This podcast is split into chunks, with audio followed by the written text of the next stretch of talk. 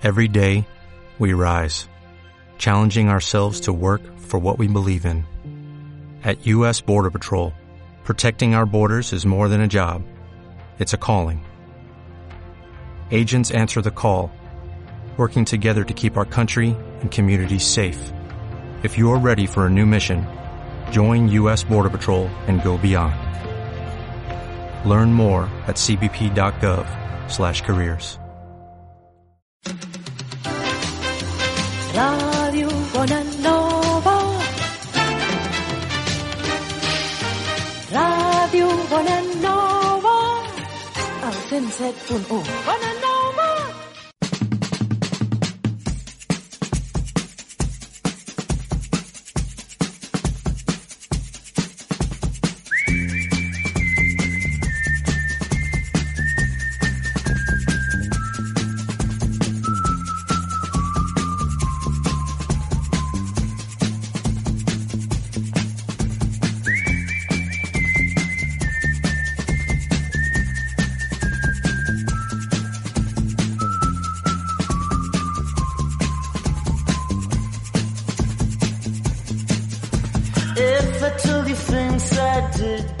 Hola, què tal? Imperfectes. Soc en Jonathan Gomà, de Ningú no és perfecte.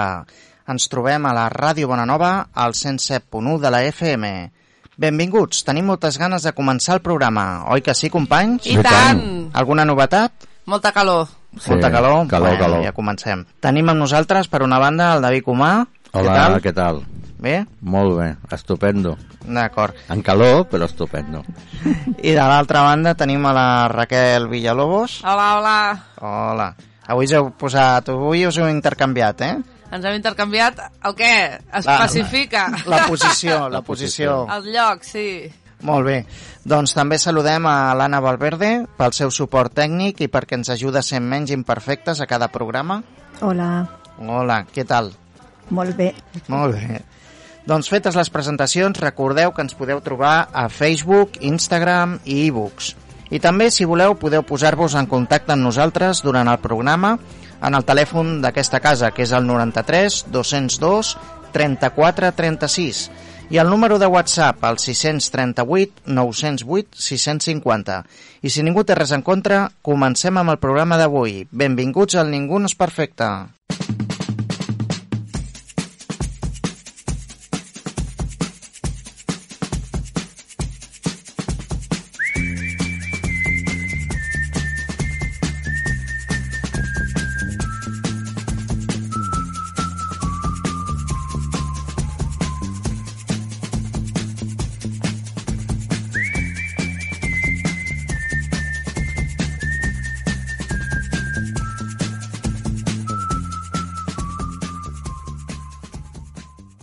Bueno, doncs... No, doncs primer el que parlarem serà l'efemèrides L'efemèride.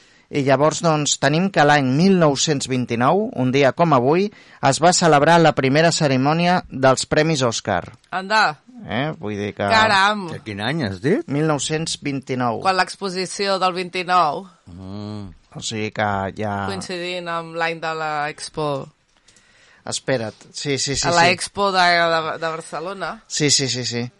que Doncs- va néixer la Font de Montjuïc aquell any. Sí, també, també, també.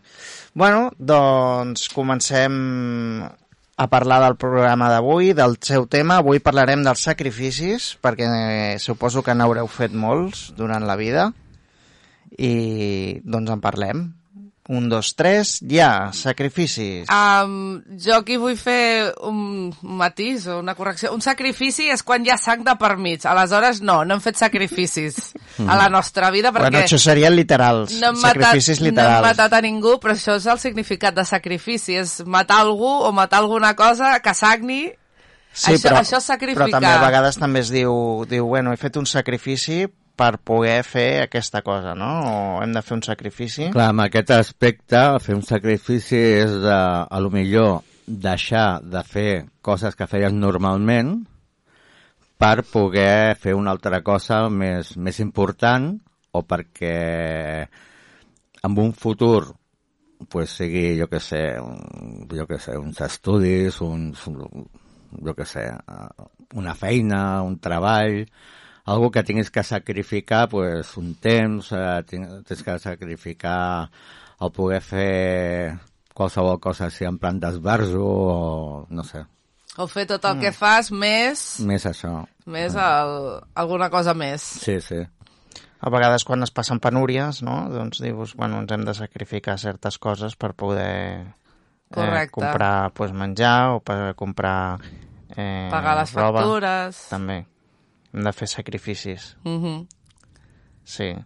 Bueno, doncs són diverses, diverses opcions, no?, del tema del sacrifici. Així sí que havia el literal, que dius tu, no?, que això es feia abans. No sé si hi ha algunes cultures que segueixen fent sacrificis animals, però, És possible. però sí que antigament doncs, es feia per, bueno, moltes vegades per aplacar la ira dels déus. Es feien sacrificis, Mhm. també. I també a la, a la Bíblia també es parlava com, com un acte de, de lluança a, a Déu, no? Mhm. Es I també sacrificaven animals per això. Era diferent, no era per Sí. aplacar la ira del Déu. era també per obtenir el, el favor i el perdó de Déu. Mm. Molt bé, què podem parlar més de sacrificis? Sacrificis. Jo des que em van explicar això, de que és quan això ha una morda pel mig, ja no la faig servir aquesta paraula gairebé, l'he tret del meu És vocabulari. que som exagerats també a l'hora de Sí. fer servir el vocabulari. Exacte, llavors és bueno, fer un esforç, fer... Sí, o una renúncia... Mm, bueno, suposo que també tot, de seguida tot és un sacrifici, no? Avui dia, quan no, algo ja no és immediat, Clar. és un sacri... avui m'he sacrificat per venir a la ràdio. Podent estar a casa, escarxofat. No, exacte, bueno. M'he sacrificat i, bueno, ahí, aquí estem, no? I l'Anna, l'Anna, tu et sacrifiques? Eh, yo creo que, mm, a ver, tal como entendemos sacrificios, y lo que pasa es que cuando haces algo que lo haces con, que porque quieres y te cuesta un esfuerzo, ya no es un sacrificio porque, claro, es que depende. Sacrificio es cuando haces una cosa que tú no quieres y lo haces porque piensas que, que lo tienes que hacer o lo haces por el bien de alguien, Ajá. pero si te sale ya de hacerlo así, o sea, yo por ejemplo, venir aquí, por decir algo, igual algún día es un sacrificio porque est- estoy haciendo algo o necesito hacer algo que no puedo y he de venir porque tengo la responsabilidad de que tengo que venir. Estoy haciendo, digamos, un sacrificio, pero no tomado en el mal, aquello, uy, qué sacrificio, que no. O sea, es que creo que el sacrificio debe tener varias formas de lectura. Claro, Sí. porque según como lo dices, parece Claro. que haces algo que no quieres Que no hacer. quieres, claro. No? Un sacrificio, claro. Bueno, avui en dia tenim el sacrifici quan, de les mascotes, quan ja estan agonitzant, que es decideix posar punt i final a la seva vida. Se'l I sacrifica. hem sacrificat el gos i llavors ve el gran drama per Ah, la sí, família. Diu, sí. Que se li diu al nen que ha anat a- l'han portat El a la nen granja. o, o, o no tan nen. Diu, el Toby està jugando en la granja. S'ha subit al portat a- tejado. Sí, sí, això és, també, també es parla d'això. Doncs bé, doncs ja hem parlat una mica de lo que és el, el sacrifici i en parlarem més, en parlarem més d'aquest tema, sobretot cap, a, cap al final, també amb la secció de suc de coco, però ara eh, comencem amb la meva secció on parlarem d'origen de les coses.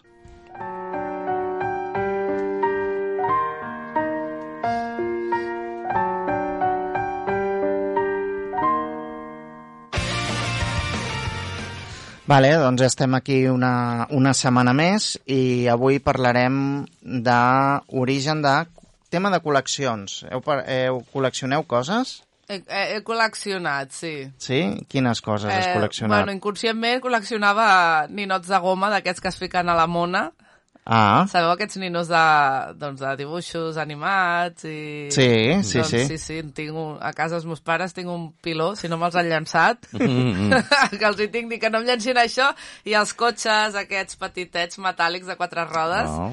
Tinc, recordo que tenia una bossa, no sé si també ha desaparegut, perquè és l'únic que vaig demanar que em guardessin, però bueno, Mhm. Ja m'espero qualsevol cosa. I tu, Anna, col·lecciones, has col·leccionat alguna cosa algun cop? No, así como colección no, pero por ejemplo, ahora pod- podríais decir, eres una obsesa de las campanillas, o sea, ¿qué coleccionas?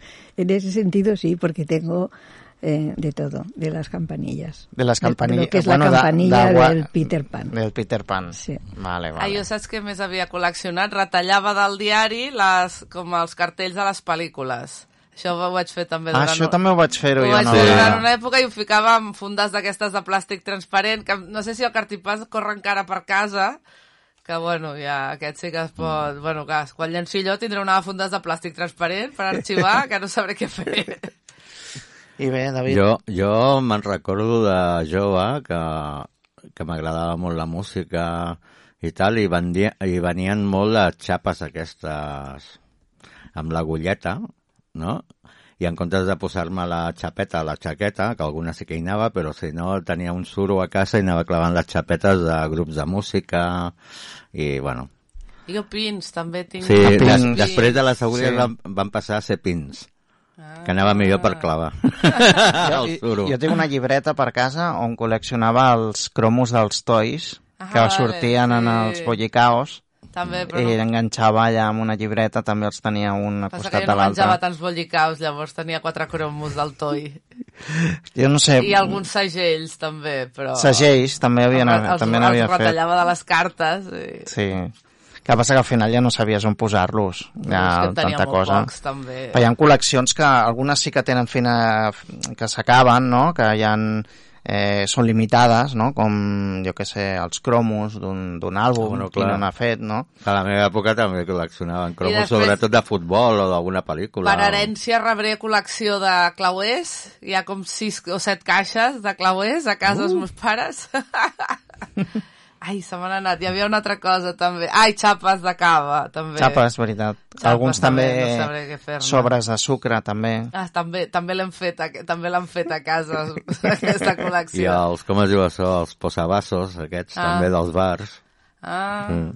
També hi ha gent que fa col·lecció d'això. Doncs hi ha col·leccions que no tenen final, perquè això del, del sucre o del cava eh, doncs, és infinit, és per tornar-se boig. Jo és que ja tendeixo al minimalisme. Yo coleccionaba, eh, está muy mal que lo diga, pero como no me ven, a mí no me ven.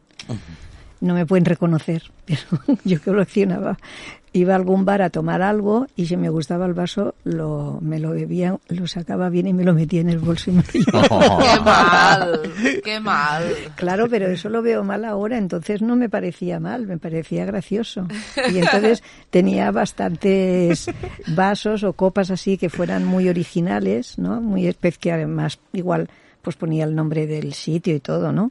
Bueno, per, per, per gent així, els coberts dels avions són de plàstics. Sí. Perquè també a casa, a casa També els meus pares corren alguns, alguns coberts de la, de la línia suïssa. Bueno, és igual que els hotels, que ja el sabó ja el posen amb, un, amb, un, amb una Dispensador. ampolla, amb un dispensador, perquè si no la gent s'enduia el, els, les ja botelletes. fiquen de- els mini, les monodosis Sí, aquestes. sí, sí. Doncs avui volíem parlar una mica d'aquestes col·leccions i una en concret, que no sé si coneixeu els Funkos. Ah, sí, Sí, els, però els Fun- jo no sabia el que era fins fa quatre dies. Ah, bueno, doncs els Funkos són uns, uns ninos petits que tenen el cap molt gran Ah, sí. i, I que tenen petit. I el cos petit i els, i els... Sí, sembla explicat així, sembla que siguin molt lletjos, però bueno, tenen la seva gràcia i, i es col·leccionen, no? I, bueno, doncs això va néixer a, fa Però molts què, anys. Què són aquests ninos? Que Són ninos de col·lecció, representen normalment són eh, personatges doncs, de còmic. Està la campanilla, eh, també. Ay, En- pobrecita, deformada y todo. Sí, està, està molt bé, està molt bé. I llavors, doncs, allà pots trobar molts personatges, siguin des de personatges de còmic a personatges de pel·lícules, eh, personatges de tot tipus, inclús gent famosa, que també, doncs, eh, està representada i té el seu nino. Qué gracia. Doncs el tema és que, clar, qui fa la col·lecció doncs, pot arribar a tenir doncs, molts. O sigui, clar, si t'agrada si un en concret, doncs dius, bé, doncs aquests m'agraden i faig sobre aquests i estan limitats, no? Però si t'agraden els Funkos, a nivell general, doncs pots arribar a tenir-ne bastants, perquè n'hi han molts. ¿Pero son de precio asequible o de aquello que si quieres coleccionar te cuestan Són Estan, estan a un preu de 14-15 euros. Uf, Aquests són els, els regulars, que li diuen, que són Mm. els que normalment doncs, pots comprar Mhm. a, un, a qualsevol tenda que venguin Funkos, mhm. però després hi han de col·lecció que són ja més cars, encara. Que li diuen edició especial. Hi han d'edicions especial, hi ha uns altres que encara són encara més cars, Mhm. vull dir que hi ha de tot, sí, sí. hi ha per tots els... Molt bé, molt bé.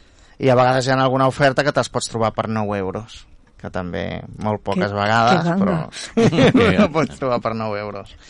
Doncs com va començar? Doncs eh, això va ser un... Com tots els somnis, neixen als Estats Units i eh, normalment doncs, sempre es diu que quan és un somni als Estats Units es fa en un garatge. Sempre molts invents i moltes històries s'han creat des dels garatges a, a Estats Units, no? Uh, diuen que va començar sobretot amb una pel·lícula que va ser uh, Austin Powers. No sé si coneixeu Austin home, Powers. I tant. Doncs uh, ho explica el Mike Becker, que va ser fundador de l'empresa, i hi ha un documental que vaig mirar però no, no hi és, o sigui, deu estar a Netflix, però a Netflix dels Estats Units, que el documental es diu Making Fun, The Story of Funko, que la companyia, doncs, mm, el, el nom de la companyia eh, té a veure amb el concepte de diversió. O sigui, fun, fan, que és divertit, doncs d'aquí ve la paraula Funko. I co, de companyia. O sigui, no té més, no? sí, s'ho van currar. La companyia de la diversió. Sí, sí. I llavors d'aquí va mutar a, a Funko. Eh, es va originar tot el 1998, o sigui, estem parlant de que és una creació bastant cap aquí, bastant, bastant nova.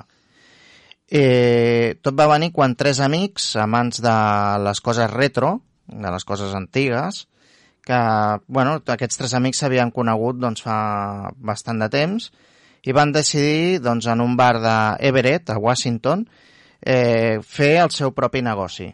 Becker, eh, junt, juntament amb els artistes Bob Swartz i Sean Wickinson, o sigui, quins són, no sé qui són, però són els que estaven allà, van doncs, donar eh, peu a la imaginació i van formar doncs, el que és Funko, que, com hem dit, doncs, és un personatge doncs, que té el cap molt gran.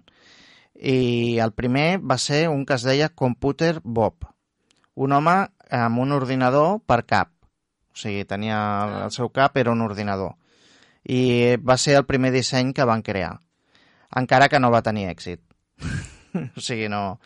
Uh, però uh, el que és la idea en si doncs ja, ja estava creada. Doncs tot va començar també quan un d'ells, en els viatges que feia a, a, a Los Angeles, doncs es va quedar, no sé si us en recordeu, que també era molt graciós, els, els carmels aquells que es deien pez. Sí. Se'n recordeu que era també Home, un i cap, tant, tenia sí. un cap, cap i sortia el i carmel. ja sortia el Carmel. Sí, sí. Doncs es va quedar també amb la idea aquesta. De fet, em sembla que hi ha alguns fungos també que pots treure com si fos de pez, o sigui, fan el mateix que la marca aquesta. Llavors ell va intentar doncs, crear això i fer doncs, uns ninots doncs, que si, siguessin semblants. Els primers que van fer va ser amb els responsables d'una hamburgu- eh, hamburgueseria que es deia Bob's Big Boy i van començar doncs, a dissenyar doncs, els ninos basats en el, en el restaurant, en l'icònic aquest, no? I, bueno, doncs Funko doncs, ja estava funcionant. Eh, només faltava que tingués èxit i ja van tenir.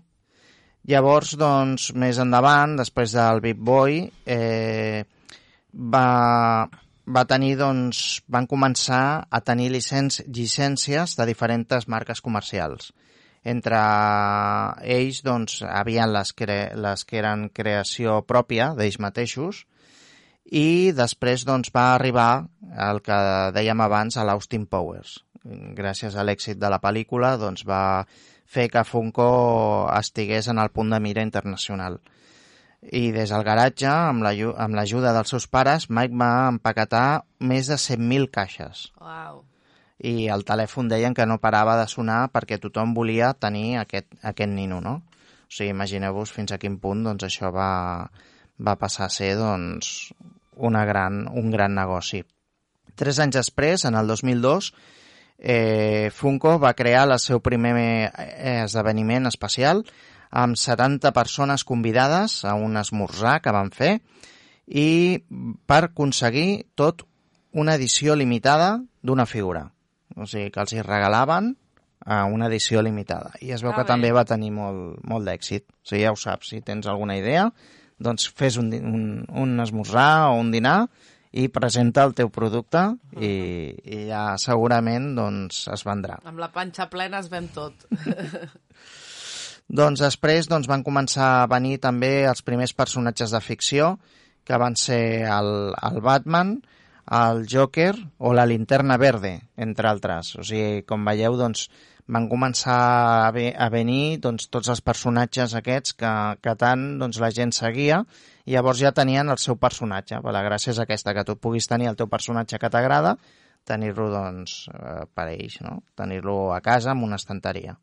I avui en dia doncs, hi ha Funko Pop de qualsevol cosa. O sigui, des de cantants fins a personatges de ficció, passant per personatges de terror, inclús, i qualsevol cosa, si existeix, doncs es pot convertir en Funko, i la seva diversitat fa que la gent tingui, bueno, de, que té gustos molt diferents, doncs tingui alguna cosa que li recordi això. Perquè hi ha alguns que sí, que pots tenir altres tipus de ninos, que dius, doncs m'agrada, com diu l'Anna, no? la campanilla, doncs la pots tenir amb altres tipus de, de figures, no? o de nines, o el que sigui.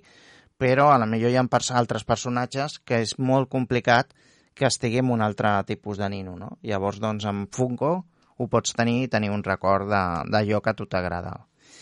I bé, després de 20 anys del seu naixement, Mike Baker eh, segueix ajudant a l'empresa, però també ho fa amb una línia de roba. O sigui, imagineu-vos que, que també hi ha una línia de roba que es diu Funko i que també doncs, venen eh, i tenen també el seu, el seu èxit. Bé, doncs fins aquí una mica, una mica per sobre doncs, la, la història de, de Funko. Molt interessant. Vale? Moltes gràcies, Jonathan. De res, a vosaltres. I ara seguim amb Dones amb Història, amb la Raquel.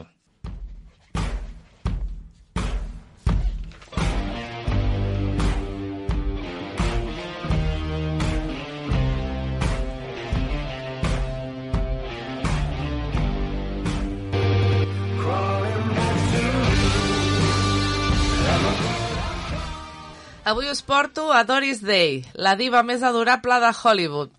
El 3 d'abril hagués fet, uh, d'aquest any, hagués fet uh, 100 anys aquesta actriu que era considerada per molts com la verge oficial d'Amèrica per les pel·lícules que va protagonitzar.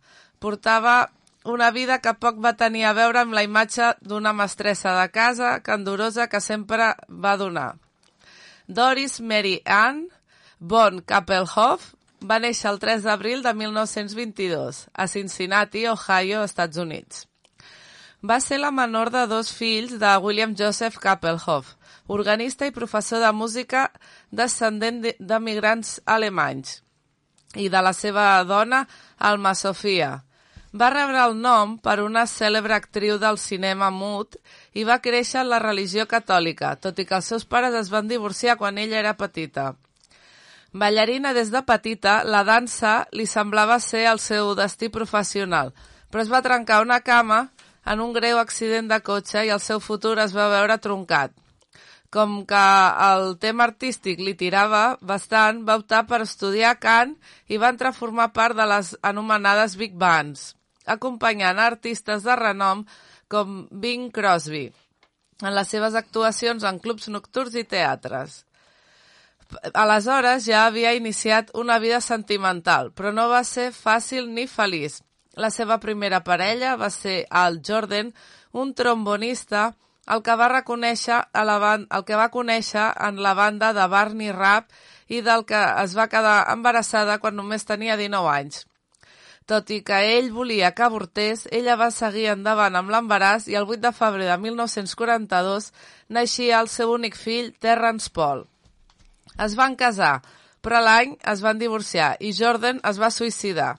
Tres anys després, Doris es va casar amb el saxofonista George Weitler, que la va introduir a l'Església de Crist. Era un tipus eh, gelós i acomplexat i no va suportar la carrera ascendent de la seva dona. Es van divorciar el 1949, un any després que Doris eh, fes el seu primer paper protagonista al cinema, Romanza en alta mar, dirigida per Michael Curtis, un dels realitzadors importants de Hollywood d'aquella època. Però el seu èxit, com Doris Day, nom artístic que va adoptar, va començar realment el 1951 gràcies al seu tercer marit, Martin Melcher, que a més va adoptar el seu fill el seu fill i li va obrir pas a la indústria cinematogràfica gràcies als seus contactes i va ser productor d'alguna de les seves pel·lícules. En un moment en el que la societat nord-americana vivia una revolució política, cultural i racial, Doris Day es va convertir en el prototip de dona candorosa, conformista i almibarada, amb el que es pretenia preservar els valors. En funció d'aquest model de dona, que no tenia res, gaire a veure amb el que era la seva vida real, tot i que sempre va ser una convençuda republicana, Doris Day va rodar una vintena de pel·lícules fins a complir el seu somni de posar-se a les ordres d'un dels grans del sèptim art, Alfred Hitchcock. A les seves ordres va rodar El hombre que sabia demasiado, el 1956, on interpretava una cantant casada amb un metge, James Stewart, que perdia el seu fill durant unes vacances al Marroc. Rossa, però no tan freda com, els com li agradava al realitzador anglès, el rodatge va ser un cúmul de dificultats. Una d'elles, els llarguíssims desplaçaments que va haver de fer, ja que per la seva por als avions va viatjar en barco i en tren per rodar a Londres i Marroc. Però el pitjor va ser que durant el temps que va estar treballant Doris es va sentir ignorada pel director. Mai m'havia parlat abans en una escena per dir-me com volia que la interpretés i després tampoc, explicava l'actriu.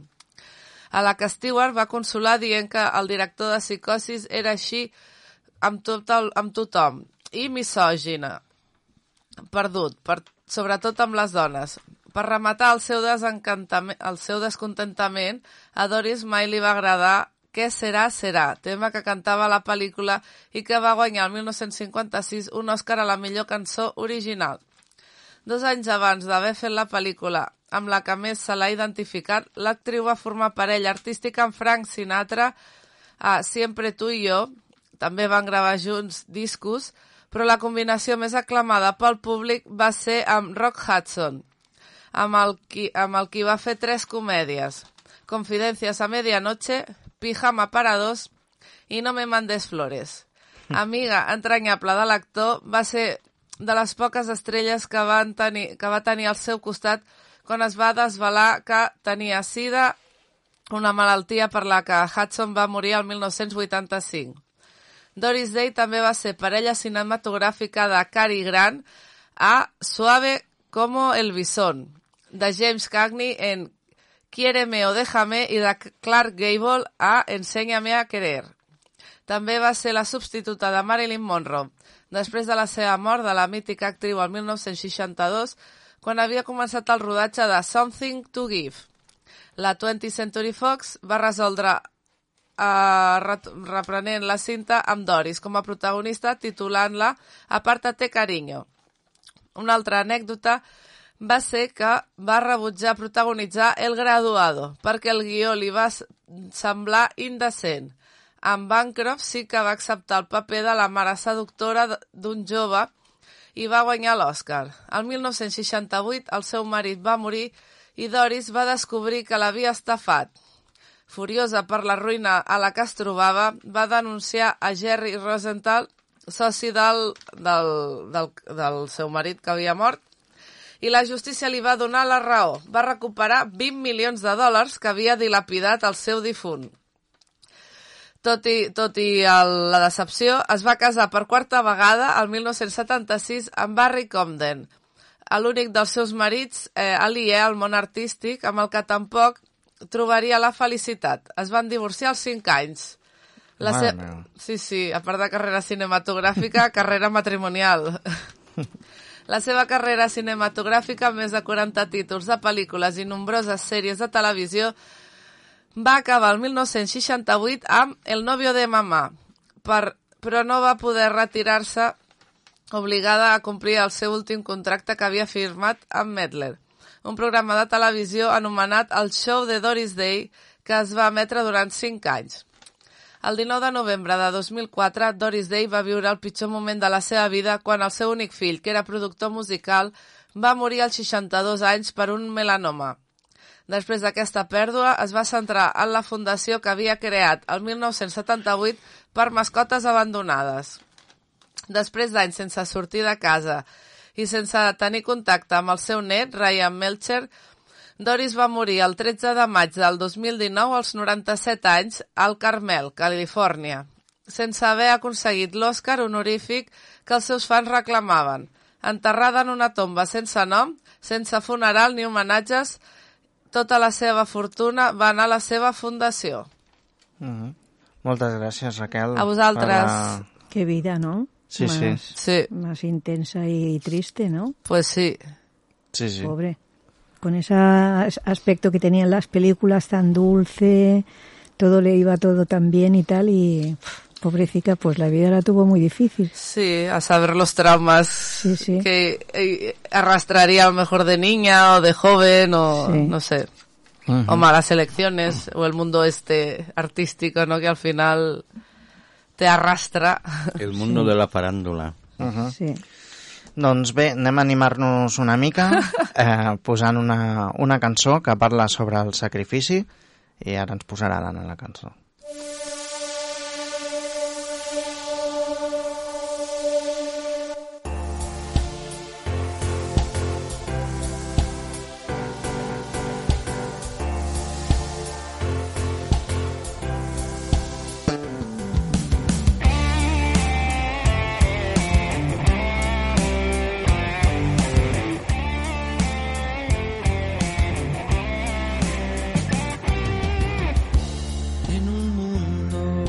sin amor,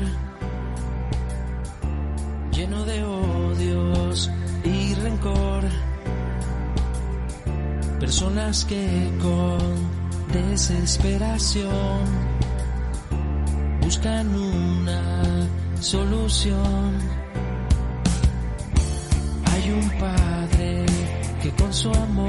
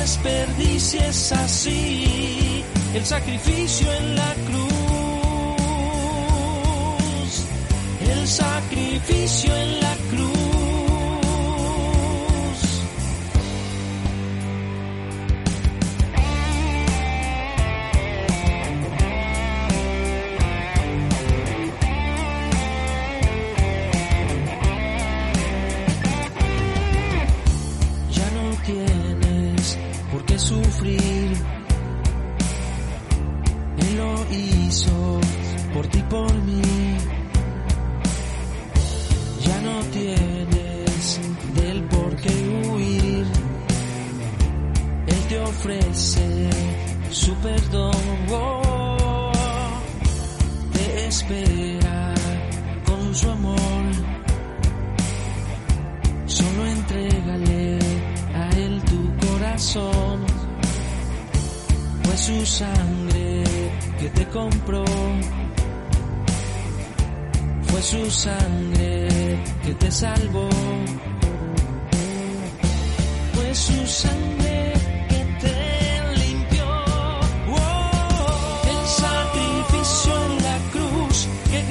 por ti y por mí. Y ya no puedo vivir en un mundo tan frío y tan vil. Vale la pena vivir siguiendo a alguien que murió por ti. No desperdicies así el sacrificio en la cruz. El sacrificio en la cruz.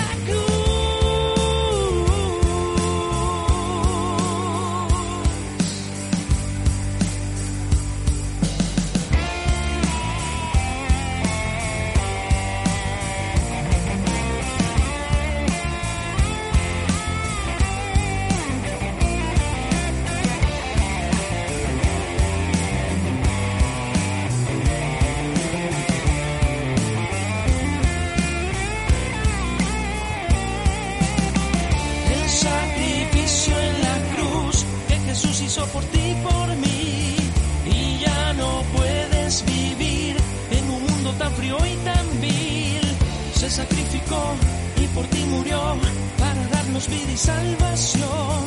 Se sacrificó y por ti murió para darnos vida y salvación. El sacrificio en la cruz, el sacrificio, el sacrificio en la cruz.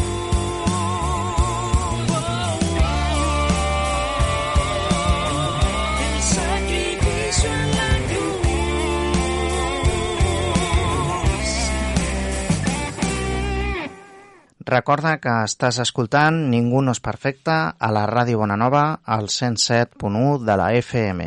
I ara, tot seguit, la secció Suc de Coco amb David Gomà.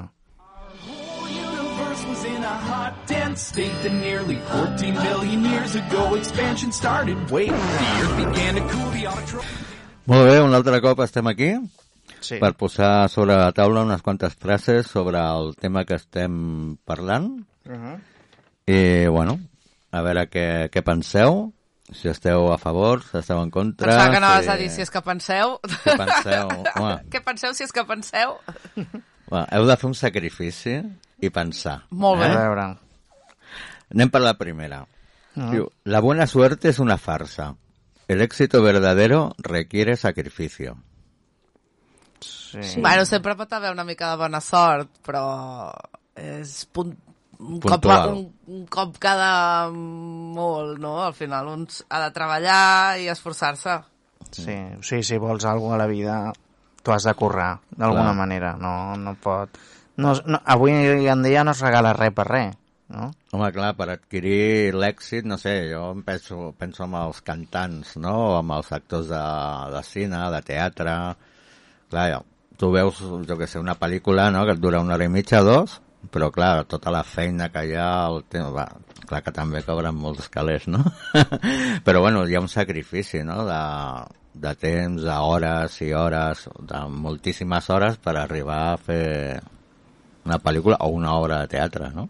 También existe la suerte, ¿eh? Porque yo me, eh, una vez me encontré dinero, otra vez me encontré un cordón de oro, ¿sabes? De aquellos que llevaban antes la gente de mujer, pero ese fue en un bar que estaba por mi, en mi trabajo, donde yo trabajaba. ¿Esto después de coger el vaso? O... Esto en, en épocas diferentes. Pero yo he llegado a encontrarme cosas que he puesto un cartel en, en, donde, en la calle donde me lo he encontrado y mi teléfono, sin dar pistas. Y, o sea, por ejemplo, me encontré unas llaves que iban las llaves de casa, del coche, o sea, que imagínate, en esos alrededores la llave de un parking, solo tienes que mirar alrededor del parking. Y yo puse un cartel que me había encontrado unas llaves y mi teléfono. Entonces al que me llamó, a los que me llamaron, que mira si hay ladrones por el mundo, porque me llamaron un montón de gente y yo solo les preguntaba cómo era el llavero. Nada Ah. más. Y solamente uno me contestó cómo era el llavero y de que cuántas llaves llevaba y todo. Y resulta que era un señor que vive en la escalera de al lado de la mía.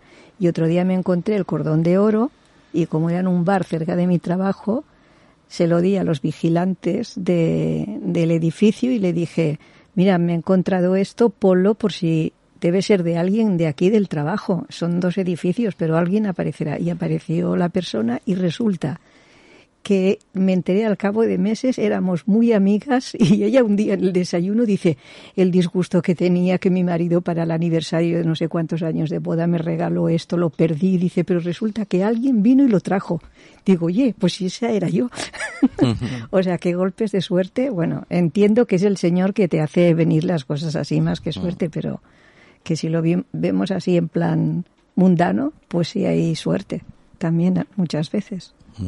Sí, pero sí, no, no, es- esto es verdad, ¿no? Y a veces uno tiene suerte o también mala suerte, ¿no? Sí, Se sí. suele decir, ¿no? Cuando las cosas van bien, wow, qué Sí, buena pero suerte, ¿no? y te encuentras dinero, pero no, pero tienes que seguir trabajando para poder seguir comiendo. No, Sí, eso sí, sí, sí. eso sí.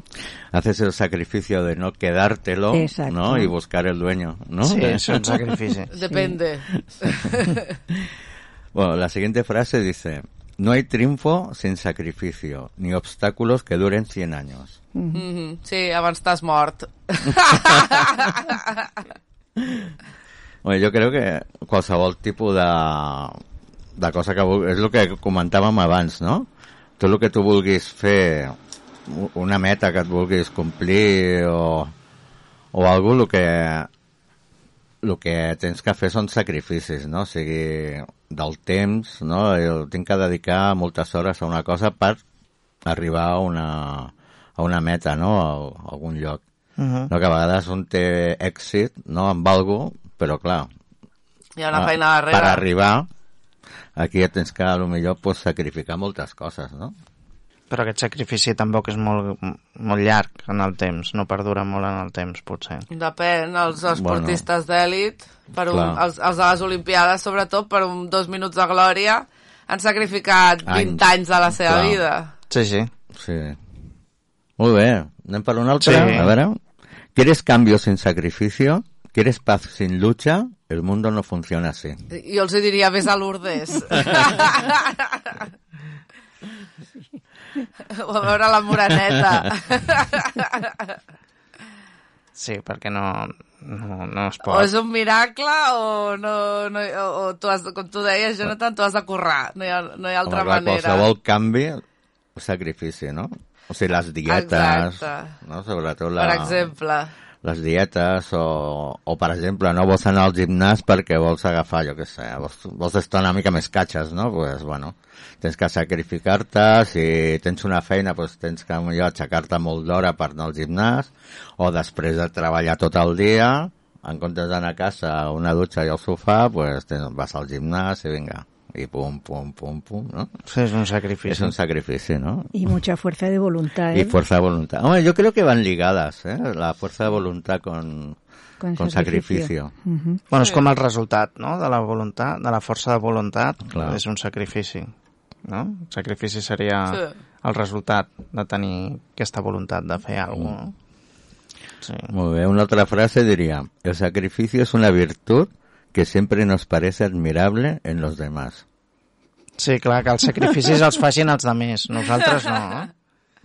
No, però a vegades sí que veus, no?, quan algú arriba a algun punt i, ostres, tu, els sacrificis que haurà tingut que fer, no? Que, que una persona, no?, o que... Sí, una però jo no els persona faig. més- Jo no, que els facin els altres, no? Sí, sí. Que sempre és millor que facin els altres que no nosaltres. Bueno, però també quan un fa un sacrifici, després darrere també hi ha una ensenyança. Per bé o per mal, pots dir, ostres, doncs m'ha valgut la pena, m'ha compensat, o, o dir, ostres, doncs no em val la pena, no? Potser de dir, bueno, vull millorar la meva carrera professional, em compensarà el sacrifici que haig de fer Clar. a aquestes alçades de la vida. Per què? Per guanyar més calés, però al final tenir menys temps per gastar-los, no? Quin preu estem disposats a pagar, per exemple, anar, Ja. o això, 20 anys de, sacrificant 8 hores al dia, dilluns a diumenge, no?, per, per, ser, per dos minuts de glòria a les Olimpiades, mm, no ho sé. Ja. Perds la, perds la infància, la Clar. joventut, les, tot el que fa la gent normal, o sí, o potser sí que et compensa Sí, després. però tothom sacrifica, sacrifica coses, no? Vull dir que ells Bueno, el, di, el dia té això. 24 hores i la setmana 7 dies. És que o sacrifiques o no vius. Per això, per això que vull dir que qui no sacrifica una cosa, sacrifica una altra. Home, també hi ha Però gent també que... et pots conformar i contentar... No? Jo, jo anar vivint. I ara estic en un plan de dir, bueno, no, no, no, no vull arribar tot, vull dir, perquè la vida té les hores que té i jo tinc les energies que tinc i també vull descansar, Però aleshores... també sacrifiques coses. Que hi ha coses que ja no les fas. Que no, les faries... les faig més, més despaiades, no? Potser Sí, però si no tu faig no fas cada... alguna perquè no vols, tampoc ho sacrifiques. Mm, Ara, si no exacte. fas alguna que vols fer però no fas perquè tens que fer una Si cosa... tingués més calés, més temps i tal, faria això, això, això, però al final, bueno, pues no, és que què m'aportarà a l'haver-ho- la satisfacció d'haver-ho fet? I la satisfacció no em dona salut. O... No, clar. Pero cuando tienes hijos eh, tienes que sacrificar cada día algo. Y cada día, porque estás a expensas de los hijos. Pero es que bueno, también a hay dos- expensas en el sentido de que abusen de ti, ¿eh? sino que a los hijos, como es lo máximo que se tiene, pues Pero- estás siempre pendiente, aunque le vaya bien a tus hijos, estás feliz, claro que les vaya bien, pero eh, siempre hay aquella cosa, uy, cuando vaya a tal sitio, eh, que vaya bien, que no le pase nada, que no le roben, que no le tal, que, o sea, mm, es un sacrificio. tam... bueno, després Bueno, vull, vull dir una cosa, No, també. hay, hay dos tipos, no podrían haber dos tipos de sacrificios, ¿no? Uno que sacrifica cosas para uno mismo, ¿no? Para hacer algo uno mismo, Mm. y después puede haber otro tipo de sacrificio que tú hagas, que tú hagas, pero para los demás, ¿no? Mhm. Jo crec que hem creat una societat en la que sempre estem sacrificant coses, però en veritat la vida és molt senzilla. Només necessitem menjar i exercitar-nos perquè som éssers per moure'ns, no per estar se- sedentaris, que per això després tenim tots els mals i dolències físiques que tenim, perquè som, an- al final som animals ra racionals, però som animals, estem fets per bellugar-nos. Però ens hem muntat, o ens han muntat, o s'ha creat, al final, una societat en què has de veure totes les pel·lis, sèries, has de treballar, atendre tots els teus amics o mm, tota la festa que et puguis pagar, tot, anar a provar tots els restaurants, a sobreviatjar i anar al gimnàs. És i, un estrès, I aleshores estrès. vivim en una, en una en un món o a, a, a nosaltres, vull dir, suposo que canviarà depèn de la societat, del, de, del nivell econòmic, no? però clar, depenent de l'estatus que tinguis, sempre estàs sacrificant perquè t'han dit que la vida ha, ha de ser això, però no... Siempre tienes que hacer algo, siempre. siempre. Exacte, aleshores, que, no? que al final estem sacrificant coses que realment valen realment, què passa? vull dir, les sacrifiquem i què passa? La vida segueix, no passa Sí, sí. res. Mm, és això, al final és satisfacció, potser, al fer-les no? quan no renuncies, però a quin preu? Després anar més cansat i de dir, ostres, tinc ganes que ja sigui divendres una altra vegada perquè mm, he fet tant aquest cap de setmana que, Sí, sí, sí. que necessito ja que passi la setmana per poder descansar, però arribarà el cap de setmana i no descansaré. Aleshores, què sacrifico, en veritat? Coses o estic sacrificant la meva vida per atendre tot això? Ujú. Oh, bona reflexió. Sí, va- sí, sí. Sí, La veritat. bé. Bueno, anem a por otra. Sí, tant. Hay que aplaudirse a uno mismo. Hay sacrificios que muchos no entienden. Sí, home, un, autoestima per davant de tot, clar que sí. Sí, perquè a vegades fas coses o deixes de fer coses que potser els teus amics, família, No sí, o aquest està sonat, o aquest que fa, no? O aquest que d'això. No? I, I clar, i això a vegades deixes de fer coses perquè et deixes una mica influenciar pels altres. Mhm. No? I, I tu sacrifiques coses per algú que tu vols fer, no? O vols arribar a fer tal cosa o a ser... no sé. O, o decideixes, jo què sé, ara se'm ve la ment, et regalen una entrada al Barça, un Barça-Madrid, i tu dius que no, no vull, no em Ja. ve de gust, no? Un altre poder diria mataria, no?, per aquesta entrada, però el que em ve de gust és estar assegut al sofà, pues, ole, ole jo que faré el que realment em ve de gust i m'escolto Sí, sí. i, i no I t'aplaudeixes. i m'aplaudeixo per, sí, de dir, pues, mira què he fet. Molt bé. Otra. Sí. Lo que hoy parece un sacrificio, mañana puede ser un logro. Sí. Mhm. Sí, sí. O sigui, bueno, ho, ho hem estat dient, no? Sí. Un exemple als Sí. estudis, per exemple, no? que et sacrifiques Una feina. cada any per passar a curs i al final tens Després als estudis també una feina, una tenir feina. una feina. Sí. Sí. I, el, i, la, I un cop passen els 45 anys de cotització, la, la recompensa de la jubilació. Tota la vida sacrificada per, Per la jubilació. Per la jubilació. Això sí te la donen. Si te la donen. ja, ja. Bueno, doncs Sí, sí, em pots dir alguna Sí? més. I Una tant. més? Sí. la vida es disciplina, la vida es disciplina orden i sacrificio. Disciplina, orden i sacrifici. Amb el mateix ordre o barrejat? No sé, la frase anava així. Penseu que l'ordre està bé? Ordre en quin sentit? Perquè, clar, Orden. O- ordre a la teva ordenada. vida, a la teva vida. Suposo que deu ser això. No, la vida és disciplina, o sigui, tu tenir disciplina, no fer... home, és important la disciplina. Una vida disciplinada. És important. I una vida ordenada pot ser a, no només a nivell d'horaris, sinó també de tenir el teu espai, Mm, allà que- on, on estiguis, Tenir temps per Ordenat. tu, per... I crear hàbits. És important crear hàbits per Clar. poder assolir les teves mm, fites. Però és veritat, això de tenir l'espai ordenat o saber que no tens allà la pila de plats per fregar o roba per rentar o per guardar o tal, això sembla que no, però mentalment bueno, afecta més a uns que a altres. Hi ha qui pot viure enmig del caos, però també quan tens el teu espai, sigui, ja sigui la teva habitació o no ho sé, allà on estiguis, Home, jo lo que- un, al, al, despatx mateix o Sí. la teva feina endreçat, és que et canvia, influencia molt això. Home, jo el que, que, el que sí que crec d'aquesta frase, en comptes de, jo en comptes de dir que la vida és disciplina, ordre i sacrifici, jo diria que, que la vida per tenir disciplina i tenir ordre necessites fer sacrificis. No, per què? Home, perquè Pots no donar- és fàcil, no és fàcil. Però pots tenir, donar tenir vida- una vida disciplinada, I ordenada i No és i no té per què ser un sacrifici. bueno, El amor no, que no aparece en la vida. Menjar no és un No. sacrifici per molta en gent. esta frase no. Menjar no és un sacrifici per tu. No. I ho fas cada dia a les mateixes hores. No és un sacrifici. Bueno, no sé... Eh... Què? Què? Tens De alguna frase més? Tens alguna frase? Una, una Vale, pues Vinga. dila. Es una, bueno, digo, quien, al- quien algo quiere, algo le cuesta. Oh, I tant. Ah, bueno, sí. Ja sigui de temps o econòmic. És el resum de tot. És el resumen de tot. Sí.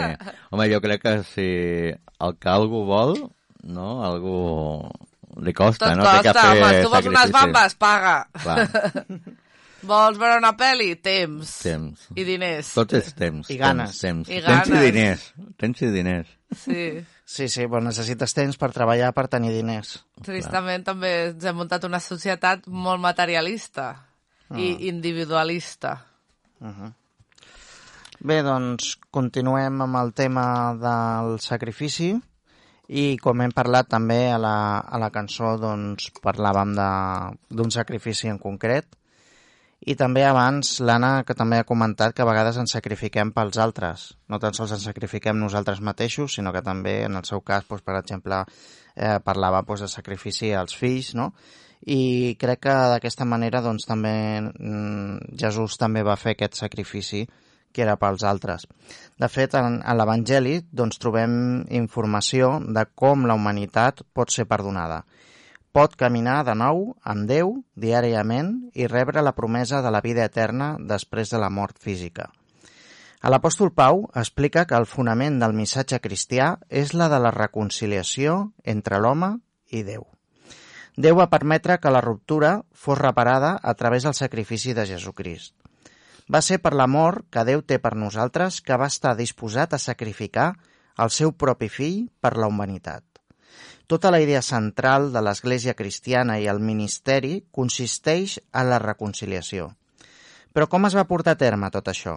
I per què Jesús va haver de patir una mort tan terrible? El pla de salvació per la humanitat és de Déu. El mètode que ell va escollir per treure o perdonar els nostres pecats va ser que un membre de la seva família hauria de venir a la Terra com un ser humà i morir pels nostres pecats. Els detalls del sacrifici de Crist van ser profetitzats a l'Antic Testament. Jesús va ser fuetejat i colpejat just abans de la cruci crucifixió. Isaías va profetitzar que quedaria pràcticament irreconeixible.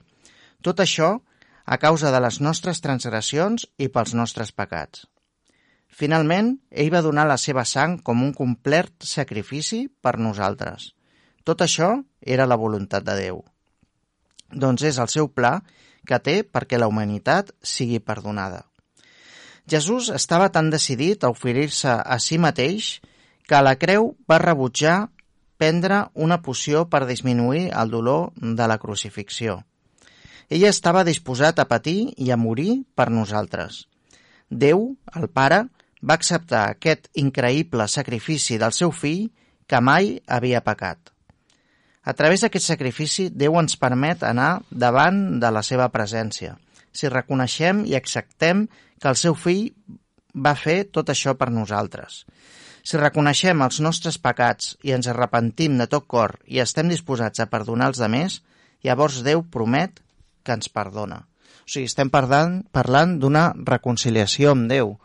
Com sabeu, doncs en un principi doncs, l'home i la dona estaven apartats de Déu i, i això va ser que, que va entrar, això va fer que entrés el pecat en el, en el ser humà, no? I, i Déu doncs, ha, ha fet aquest sacrifici del seu propi fill perquè nosaltres puguem doncs, ser, tenir i recuperar aquella relació perduda que, que el ser humà doncs, havia tingut. És un sacrifici complet. Abans parlàvem de sacrificis que la gent feia doncs, per, eh, sigui per aplacar la ira dels déus, com veiem a la mitologia grega, o, o inclús en l'Antic Testament doncs, per eh, lluar a Déu, per perquè també els seus pecats fossin perdonats, però és en el sacrifici de Jesús on es veu que és un sacrifici complet, és a dir, que un sol sacrifici doncs, va servir perquè tota la humanitat pogués tornar a tenir aquella relació amb Déu. Doncs fins aquí. Eh, recorda que si estàs interessat en qualsevol dels temes que tractem, sempre ens pots escriure en el privat de Facebook i et contestarem el més aviat possible. També pots trucar al telèfon d'aquesta casa, que és el 93 202 34 36, o escriure en el WhatsApp al 638 908 650. No hi ha res més a dir. Porteu-vos bé i recordeu que... Ningú no és perfecte.